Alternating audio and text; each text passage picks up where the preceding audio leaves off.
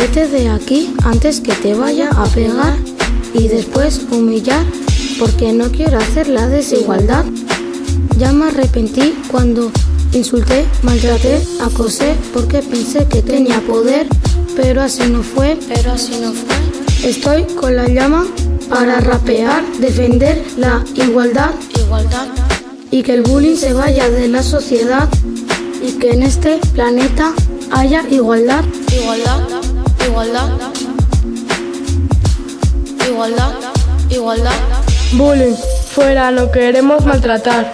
Fuera, mi hermano, deja de mandar. Piensa en ti, piensa en los demás. Comienza a rapear, deja de portarte como un animal, que ya tenemos una cierta edad. Ya tenemos una cierta edad. Mi madre me enseñó que si escupes para arriba, hacia abajo te caerá. Y ahí es cuando el karma llegará. Deja de comportarte como un animal y ponte en el lugar de los demás. Déjate fluir por el rap, que te quede claro que aquí todos merecemos igualdad.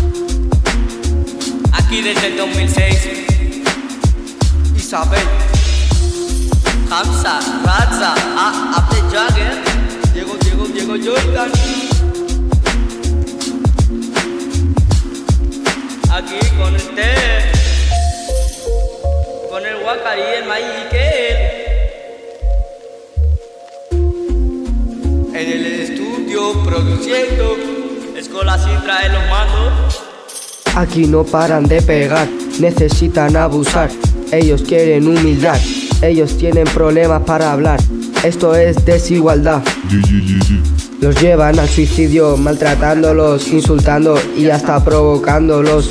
Esto lo llaman aprender, pero esto es acoso. Se creen con poder, pero esto es un abuso. Pero esto es un abuso. Pero esto es un abuso. El maltrato está mal, tienes que tener responsabilidad. Esto no tenemos que parar.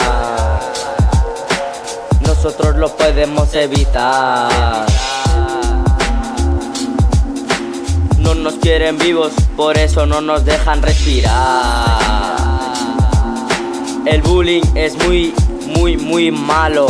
Hay que disfrutar la vida porque es un regalo. Nos movemos por este sistema in- insano. Ah, ah, porque juntos nos moriremos de la mano. Ah, ah, ah. Bullying y maltrato fuera de este país. Por favor, dejar a Siria y Irak sí o sí.